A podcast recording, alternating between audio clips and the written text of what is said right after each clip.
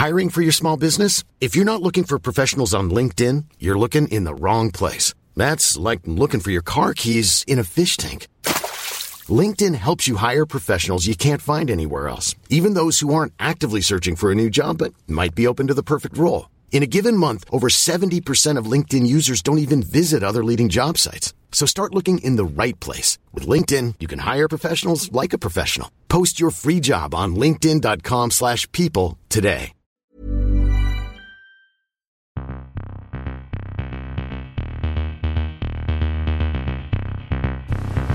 Guten Tag. Meine Herren, es gibt vier Fragen, vier Antworten. Die Fragen, die stelle ich und die Antworten gebe ich auch. Da lache ich mir doch einen Arsch ab. An Stefan Effenberg kann man nicht so durch. War das klar und deutlich?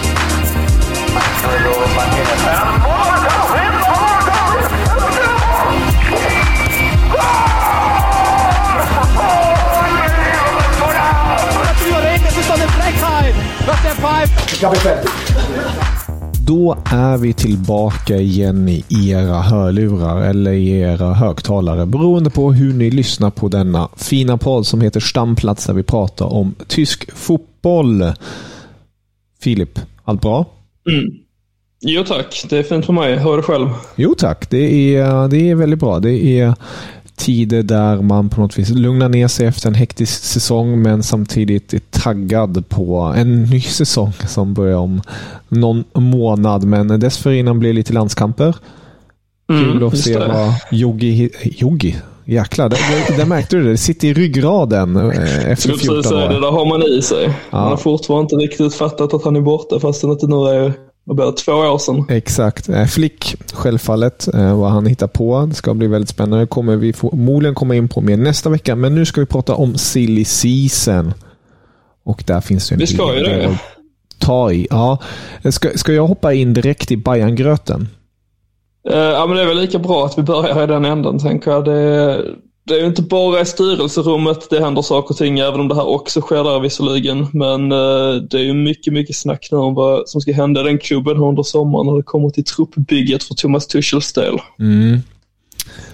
Och här får vi se då vad som sker, men det kommer ske en hel del. Det är väl nästan den klubben som kommer typ sälja och värva mest, känns det som. För om vi bara tittar på stryklistan, eller på de spelarna som eventuellt kommer lämna, så är den minst sagt lång. Vi har ju spelare som Sadio Mané, som ryktas bort. Vi har Marcel Sabitzer. Vi har Sar. Masurai är också osäker. Gravenberg ryktas det om att det kanske blir ett lån eller till och med försäljning. Fortsatt osäkert. Pavard, Hernandez och Sommer kommer med 99% sannolikhet förmodligen lämna. Sedan har vi Blind, Cancelo och Nubel som kommer också lämna med största sannolikhet. Och sen är det flera spelare som ryktas in. Men om vi stannar där vart vi tittar på spelarna som ska ut.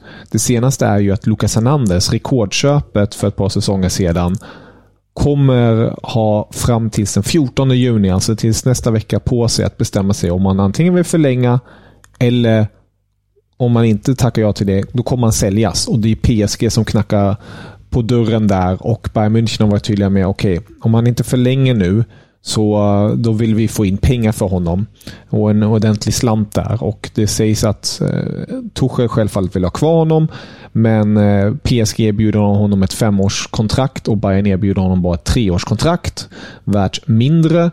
Och i fallet Pavard är det ju så att han har varit tydlig och sagt till styrelsen att han vill lämna, så Bayern kommer släppa honom och där pratar man om en frislapp runt 30 miljoner euro. Och i fallet Sommer så är det ju situationen kring Manu Neuer alltihop. Alla vet att Neuer kommer bli nummer ett igen. Som kunde tyvärr inte visa framfötterna under våren och han vill ju spela för Schweiz i EM nästa sommar så att han vill spela regelbundet. Jämfört med andra landslag så måste man spela regelbundet för att ha en startplats. Så mm.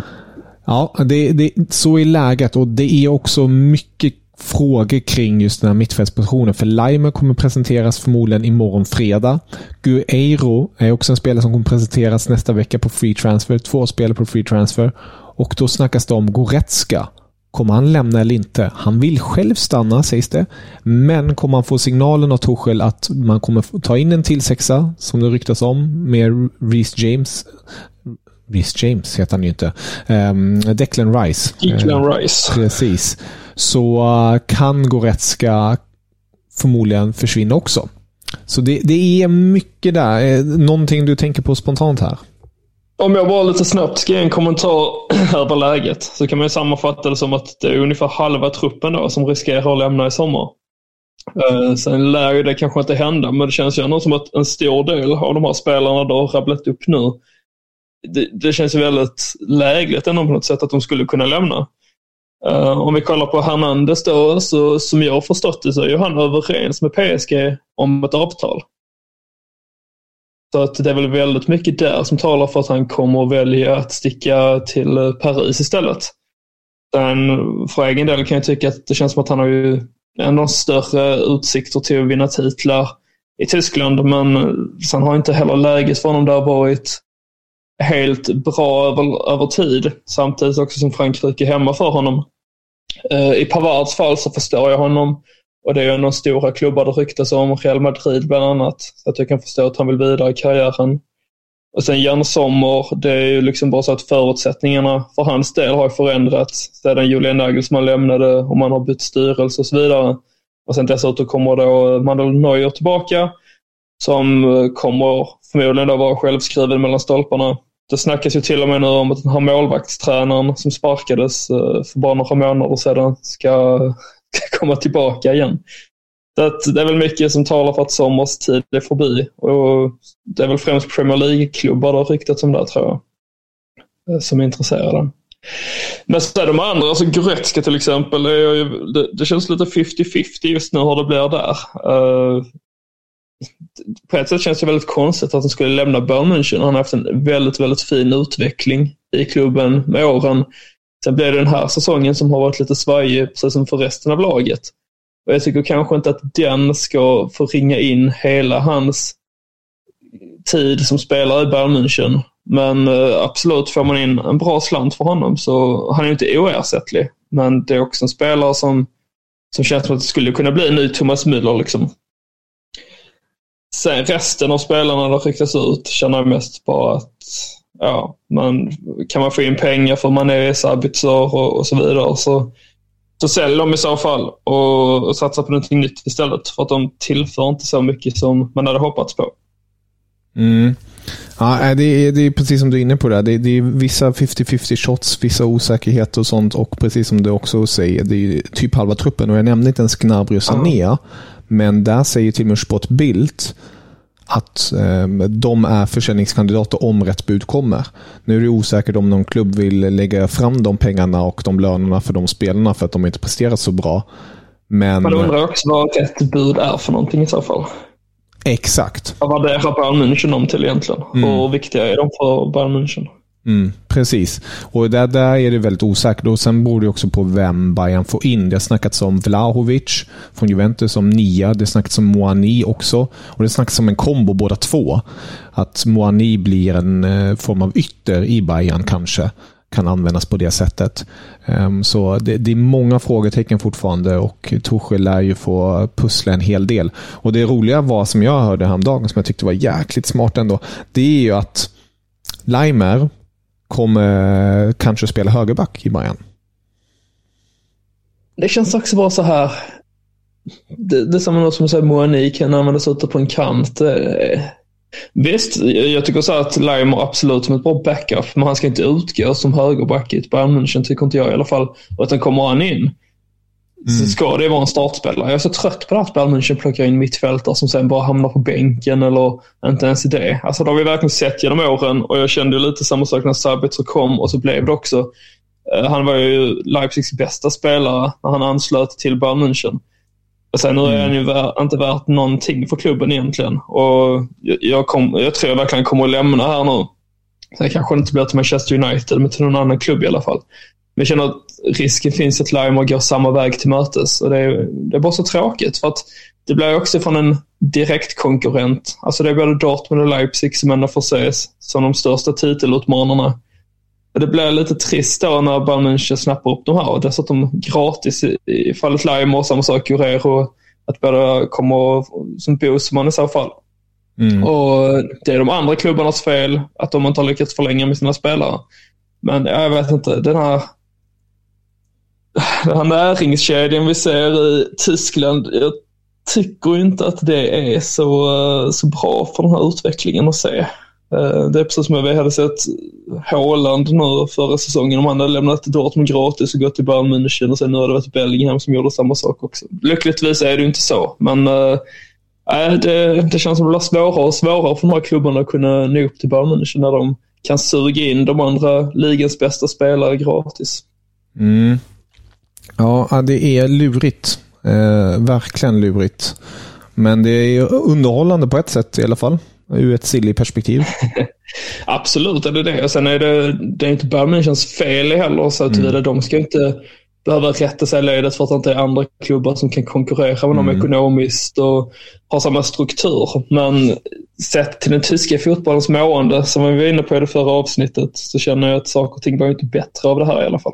Mm, nej. Alltså att vi vill få till en jämnare liga. För att det är ändå det någonstans Bundesliga behöver, tror jag, för att kunna utvecklas utanför Tyskland. Mm. Uh, nu röstar man ju emot det här förslaget då att sälja en del av tv-rättigheterna till utlandet, vilket jag tyckte var bra i grund och botten.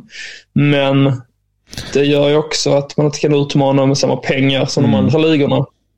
Det öppnar ju dock dörren där. Det är det som är det, det, det, Jag förstår också den poängen och jag var också lite inne på det. Det här är ju bra egentligen, för här snackar vi bara om medierättigheter. Vi snackar inte om att, mm. att klubbar i sig blir mer ägda av investerare. Ja, jag känner att det var många som misstolkade det. Att det handlade om att man skulle få plocka in uh, en shejk från, uh, från Qatar som mm. skulle komma in och köpa en klubb. Exakt. Det var inte så det var. Nej, så var det inte. Men samtidigt är det ju en steg i den riktningen.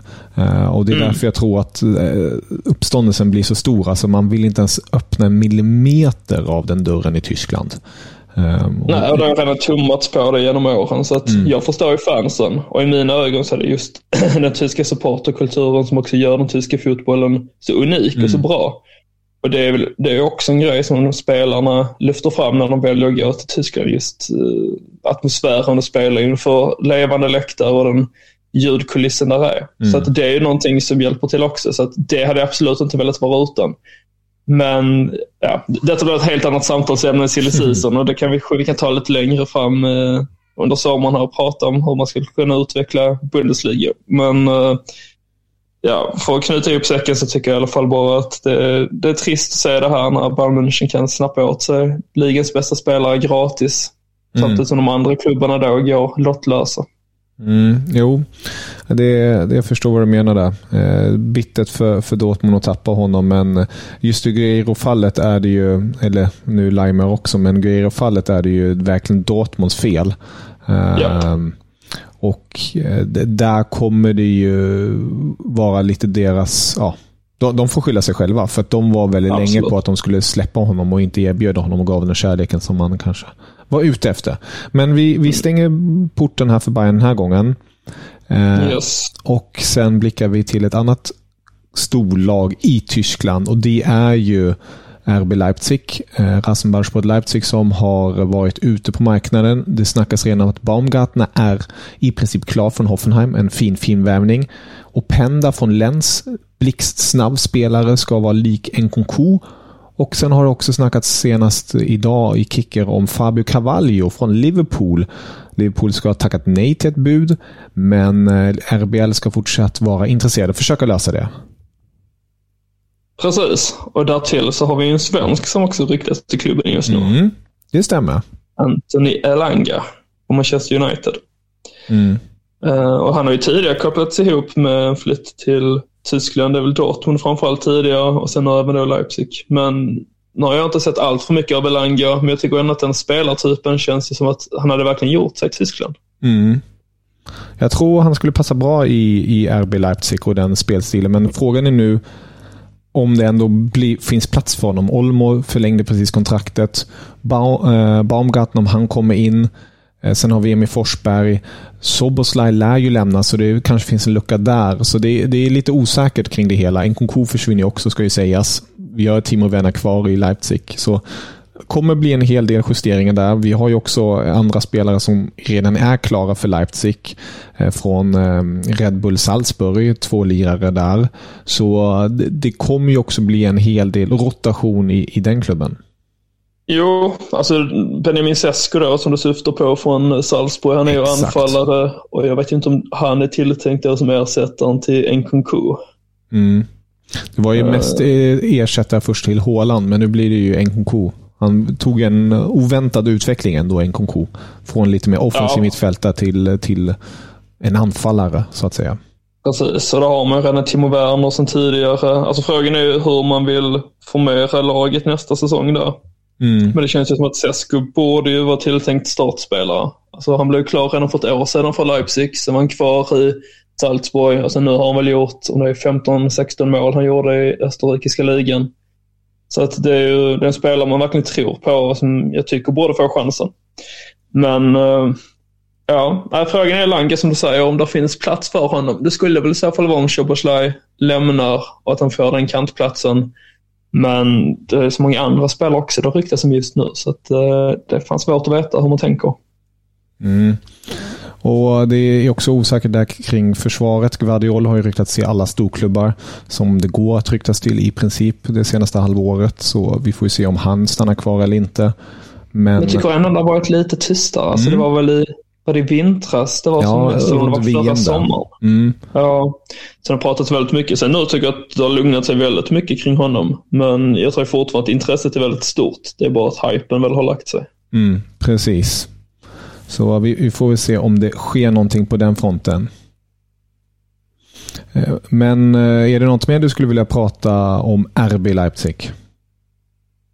Nej, egentligen inte. Alltså jag tycker de har ju börjat fönstret väldigt starkt här. Sett till att man redan har två spelare klara sedan tidigare. Den andra är Nikola eh, Seivald, tror jag man uttalar det, som är mittfältare. Det är väl i så fall tilltänkt ersättare till Leimer på mittfältet. Mm. Men sen är det ju Christoph Baumgartner det, det pratas om.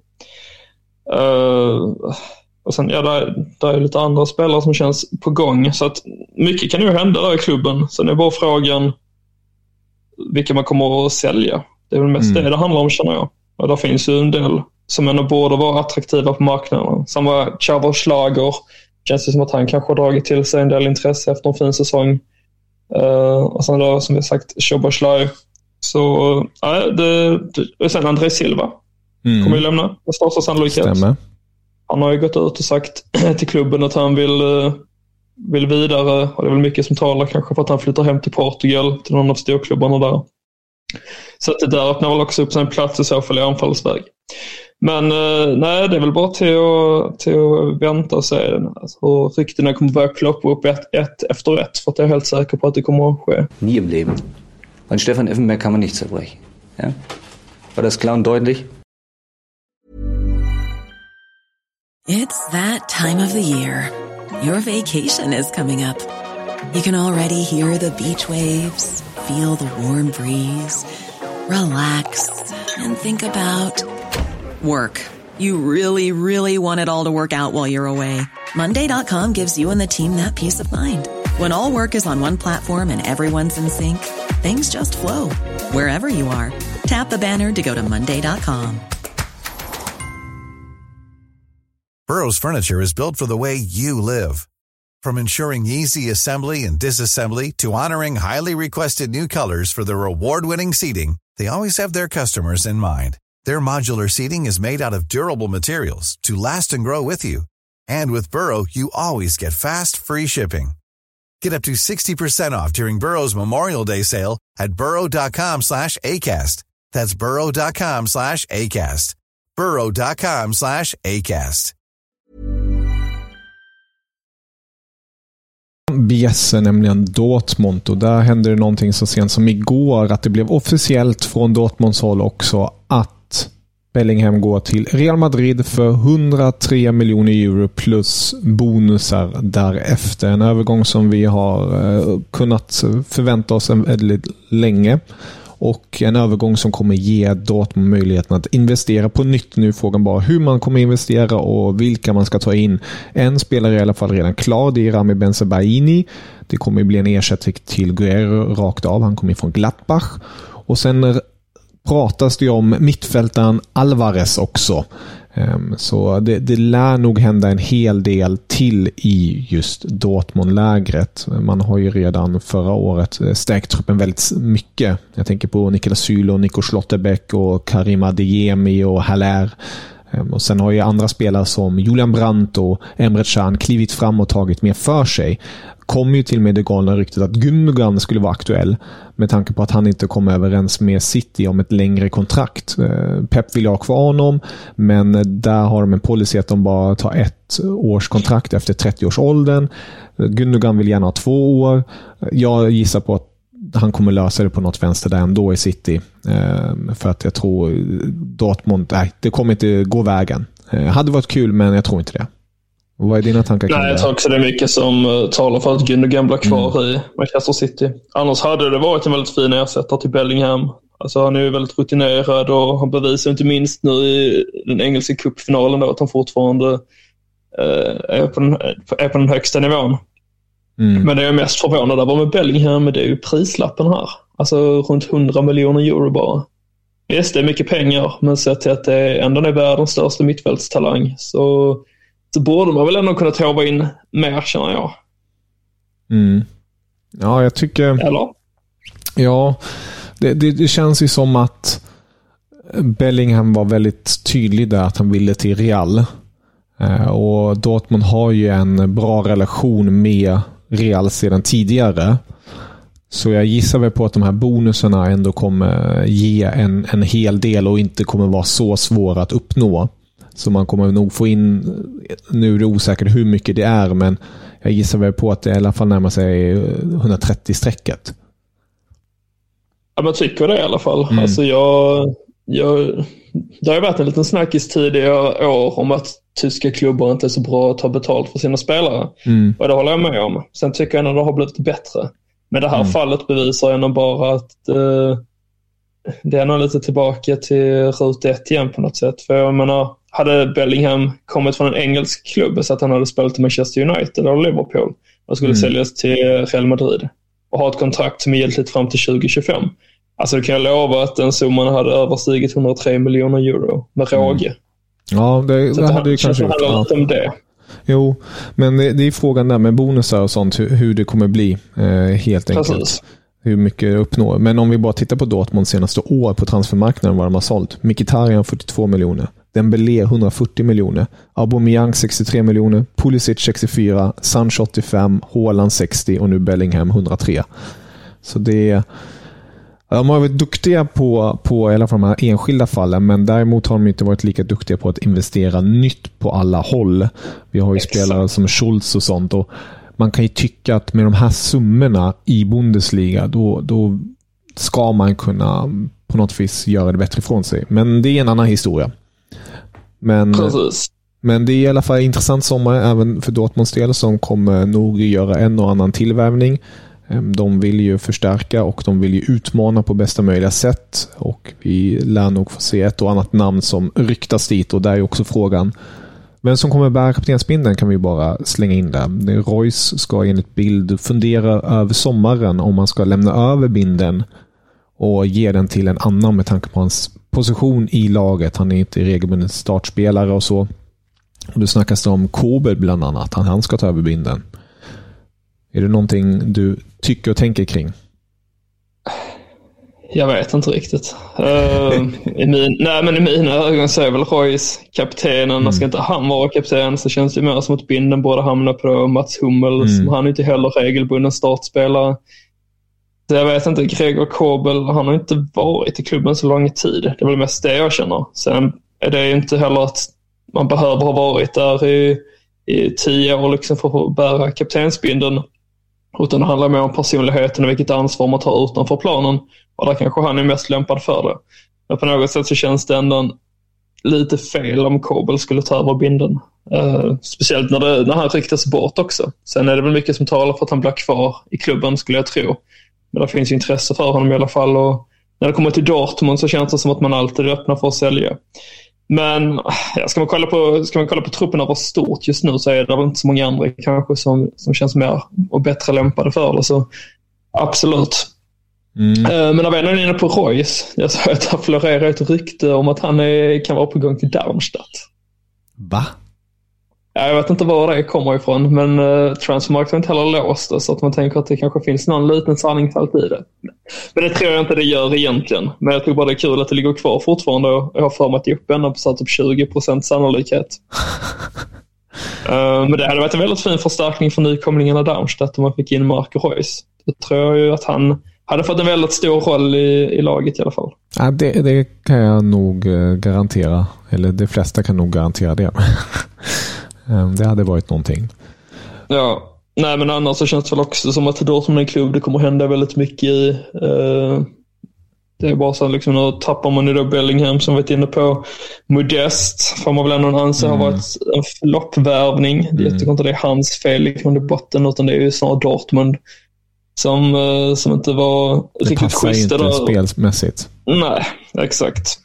Men det är väl kanske, kanske läge att plocka in en reservanfallare där också. Alltså Haller kommer ju förhoppningsvis nu kunna spela hela nästa säsong. Inte få några återfall. Eller bakslag eller vad man ska kalla det för. Mm. Sen vet jag inte med Mukoko hur mycket man litar på honom till, till nästa säsong. Han är ju fortfarande bara 18 bast. Jag har ju redan ut, eller dömt ut honom som en superflopp.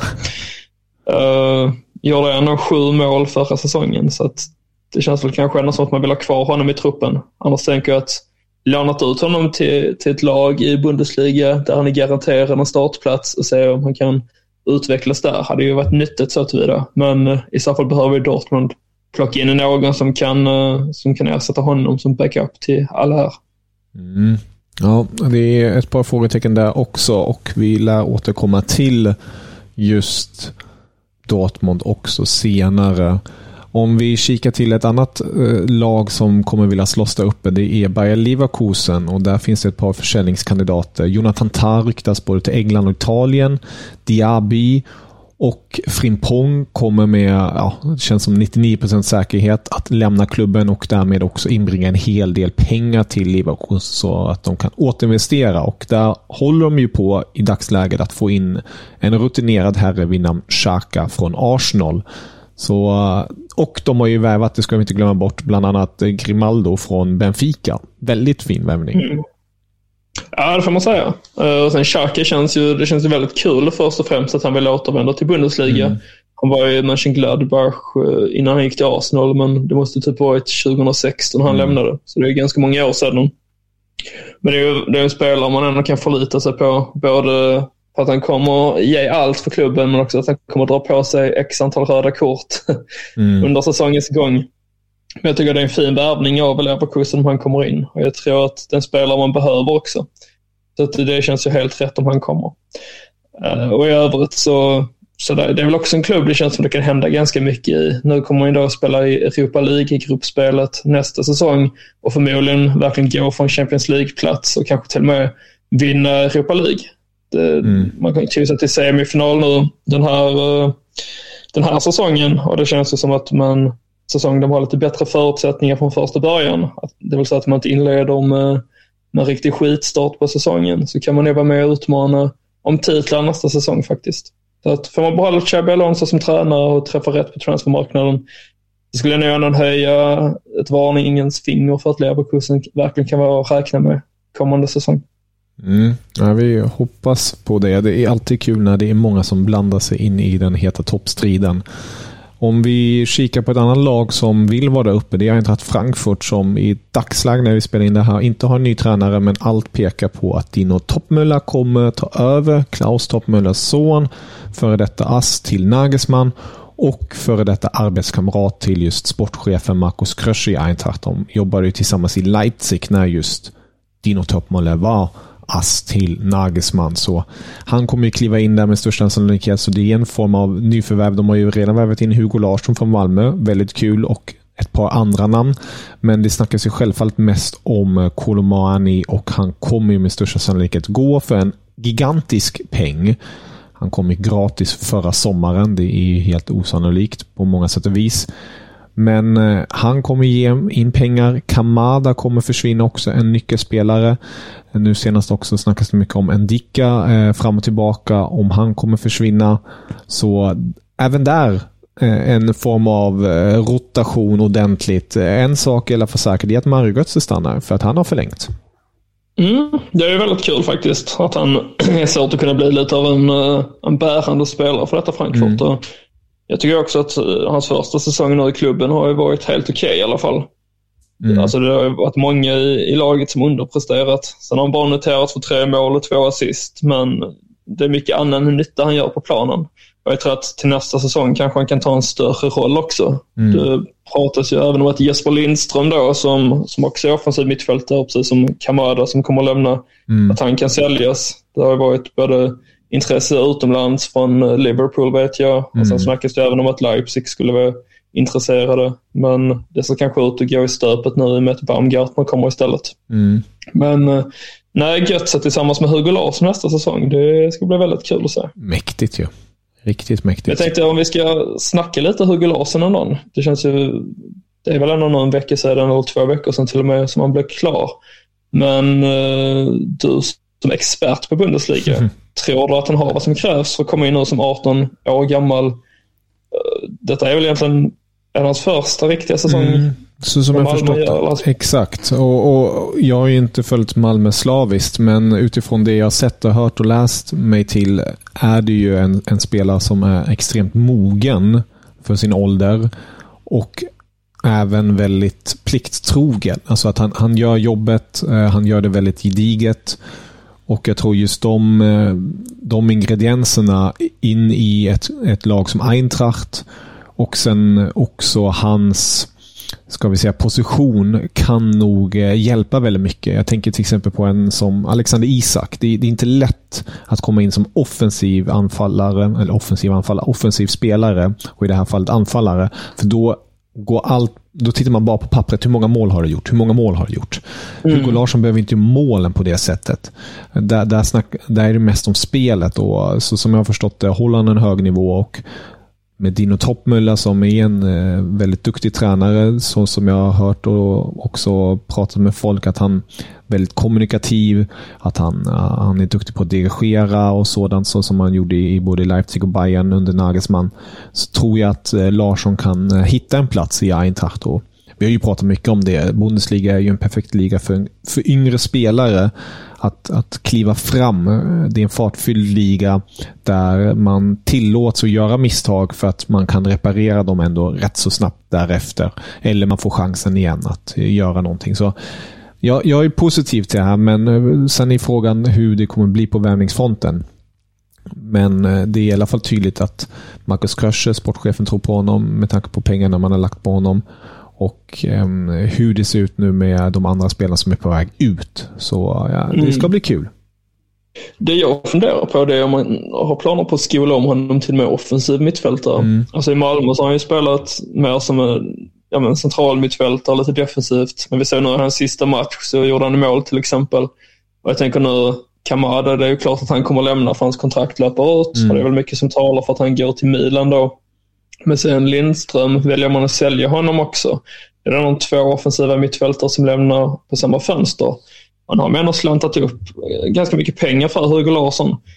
Samtidigt som jag tycker att det centrala mittfältet är ju, där finns ju en del bra spelare man redan har där. Alltså det är ju mm. Sorb då framförallt, man har kapten Rode, Christian Jakic också.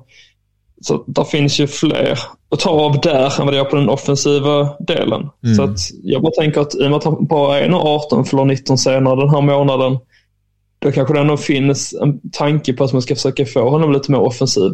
Uh, jag har också sett på tok för lite av Hugo för att riktigt känna till hans spetsegenskaper på det viset. Men alltså, vi har ju sett tidigare också i Bundesliga att man har hämtat in spelare som sen har blivit omskolade till nya positioner och gjort det hur bra som helst.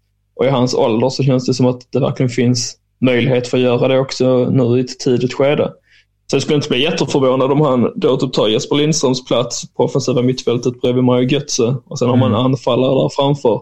Och sen har man förmodligen då tre centrala mittfältare bakom. Alltså är det att Hugo tränar de rollerna, men då måste man också plocka in åtminstone en ny offensiv mittfältare. Men, mm.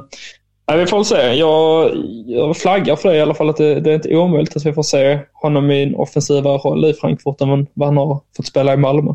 Mm, intressant eh, perspektiv och spaning på det hela. Vi får återkomma helt enkelt och det lär vi ju komma definitivt kring det hela. Om vi ska ta några notiser också. Eh, två namn som det har pratats mycket om eh, den här säsongen. Det är ju Cheraldo Becker, Union Berlins anfallssprinter som ryktas till England och framförallt till West Ham då för 20 miljoner euro. Och sen är det ju frågan om Niklas Fyllkrok, om han stannar i Bremen eller inte. Han eh, är i alla fall lugn, har han sagt. Men eh, frågan är ja. om det har svalnat nu istället och att han bod, om han hade velat gå borde han ha agerat tidigare. Jag vet inte. Alltså det kommer säkert komma förslag. Eh, jag vet faktiskt inte hur långt kontrakt han har med Bremen heller. Jag tror det är till 2025. Eller ja, 2024. Kommer, ja. Då är det inte heller bra pressade till att sälja. Sen känns det också som att Fullkrog kanske ändå nu känner att uh, det här genombrottet han har fått, han har fått tack vare att han har varit i Werder Bremen. Och det finns ju en risk att flytta på sig givetvis. Mm. Jag vet inte heller vilken typ av klubb det skulle vara han skulle gå till. Alltså ska han vara kvar i Tyskland så känns det kanske på Bayern München och Dortmund som ett steg lite för högt. Mm. Och kanske inte passar riktigt in där. I så fall är det ju mer som eh, reserv. Mm. Och annars kanske... så tänker jag att det är väl Leverkusen eller Mönchengladbach. Eller typ Frankfurt i så fall. Tänkte precis säga det. Leverkusen känns ju kanske som något med tanke på att Patrik Schick har sett ut som man har gjort. Att man då får in mm. en statisk nia och man gör många inspel i, i boxen och där är den ju farlig. Så det skulle ju kunna vara någonting. Eller Eintracht Frankfurt. Mm, eller Eintracht Frankfurt om Moani nu med största sannolikhet går. Det hade ju varit något också. Ja, faktiskt. Mm. Det, alltså, man har redan plockat in en anfallare också, Werder Bremen, och det är ju David Kovnacki från Düsseldorf. Han uh, gjorde ganska många mål här under den gångna säsongen. Men Bremen menar på att det var inte tilltänkt som någon ersättare till varken Dutch eller Füllkrog då. Mm. Som har varit deras bästa spelare egentligen under den gångna säsongen. Men jag har väl ändå en känsla av att det inte riktigt är sanning utan att man uh, är inställda på att åtminstone en av dem kommer att lämna. Och då vill man ju vara tidigt ute och knyta till sig Kovnacki som anslöt gratis också. Precis. Jag ser även att Joel Poyampalo, tidigare Leverkusen och HSV-spelaren, som just nu är i Italien. Är det Venezia man säger? Ja, Venezia tror jag. Ja. Han har i alla fall gjort ganska stor succé där i Serie B, öst in mål och även blivit uh, fansens favorit när han har druckit, druckit öl direkt efter att han har blivit utbytt. Ja. Det är bilder som cirkulerar för någon månad sedan. Men uh, han kopplas ju till Werder Bremen också. Så jag tänker att man plockar nog inte in både Kovnacki och Poyan Palo och har tanken att behålla både Dux och uh, Fullkrog. Så att Nej. någon av dem lär på sig och det känns som att Fullkrog är väl den som står högst i kurs då. Dutch har dock ryktats till Dortmund faktiskt. Han är Dortmund-pojke. Han har det. Mm. Men vi får se ja, om... Han har ju gjort det bra, så att jag förstår ju det. Men sen mm. känns det ändå som att Fullkrog är väl ändå en Alltså sett till hans landslagskarriär mm. också. Sex matcher, sex mål. Och har ju varit en pålitlig målskytt mm. både förra och den här säsongen. Så kanske det ändå känns som att han står lite högre i kurs. Men Däremot... Eh, jag vet inte vad Bremen förväntar sig att inkassera från försäljning av honom. Nej, och däremot har ju Dutch ett, ett förflutet i Dortmund och han skulle kanske tänka sig en bänkplats ändå. Som rotation. Mm. Fyllkrok vill kanske när han går till en klubb spela regelbundet. Jo, det är sant. Så, så att, uh, mm. Mm, ja, vi får se. Men uh, jag är väldigt svårt för att tro att båda de två är kvar i Bremen när nästa säsong drar igång. Ja, jag håller med dig. Jag håller med dig där. Men ska vi, är det några till bubblare eller någonting som du vill nämna den här gången? För jag antar och tycker mig att vi, vi kommer ju återkomma till det här nästa vecka igen med det senaste och mm. prata om andra klubbar också. Som Glattbach till exempel och alltihopa. Det är ju mycket som sker i många klubbar just nu. Precis. Alltså vi kan väl göra som så här att vi kan ju uppmana våra kära lyssnare att höra av sig med frågor mm. om eh, både när det kommer till lag och spelare eller fantasier, vad vi helst vill ska hända och så vidare. Så ska vi öppna den dörren öppen för lyssnarfrågor. Men annars så känns det som att liksom, nästa gång vi spelar in, vilket blir då i nästa vecka, kommer ju mycket ha hänt. Så att det kommer finnas stoff att ta av. Och det finns ju många rykten just nu som hinner bli inaktuella också. Mm. Så att förutom att jag uppmanar lyssnarna att höra av sig och skicka in frågor så kan vi väl även avsluta då med att vi tackar Nils Petersson i Freiburg för hans mm. tjänster för tysk fotboll. En fantastisk uh, supersub. Han har varit Bundesligas egen Ole Gunnar Solskjaer. Mm. Han lägger skorna på hyllan nu. Och samma sak gör Jonas Hector som uh, har varit fanbäraren för Köln och även under en längre period var en del av det tyska landslaget också. Han väljer också att uh, sluta spela fotboll. Så att det är två profiler för finsmakarna i alla fall som, uh, som väljer att sluta. Och det är tråkigt givetvis, men uh, man kommer minnas dem för sina många fina insatser. Och ja. Det har du fullständigt rätt i. Det är fint att du nämnde det nu också. Två lirare som vi har följt de senaste åren väldigt intensivt på ett och annat sätt ändå.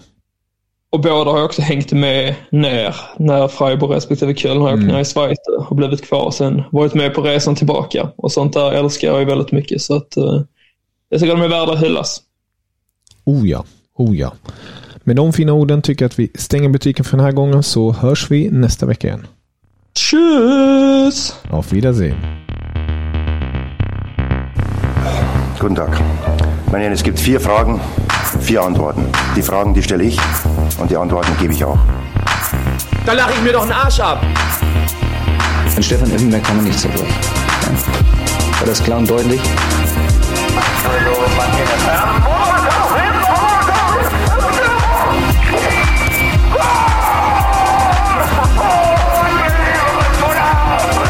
Das ist doch eine Frechheit, was der pfeift. Ich glaube, ich fertig.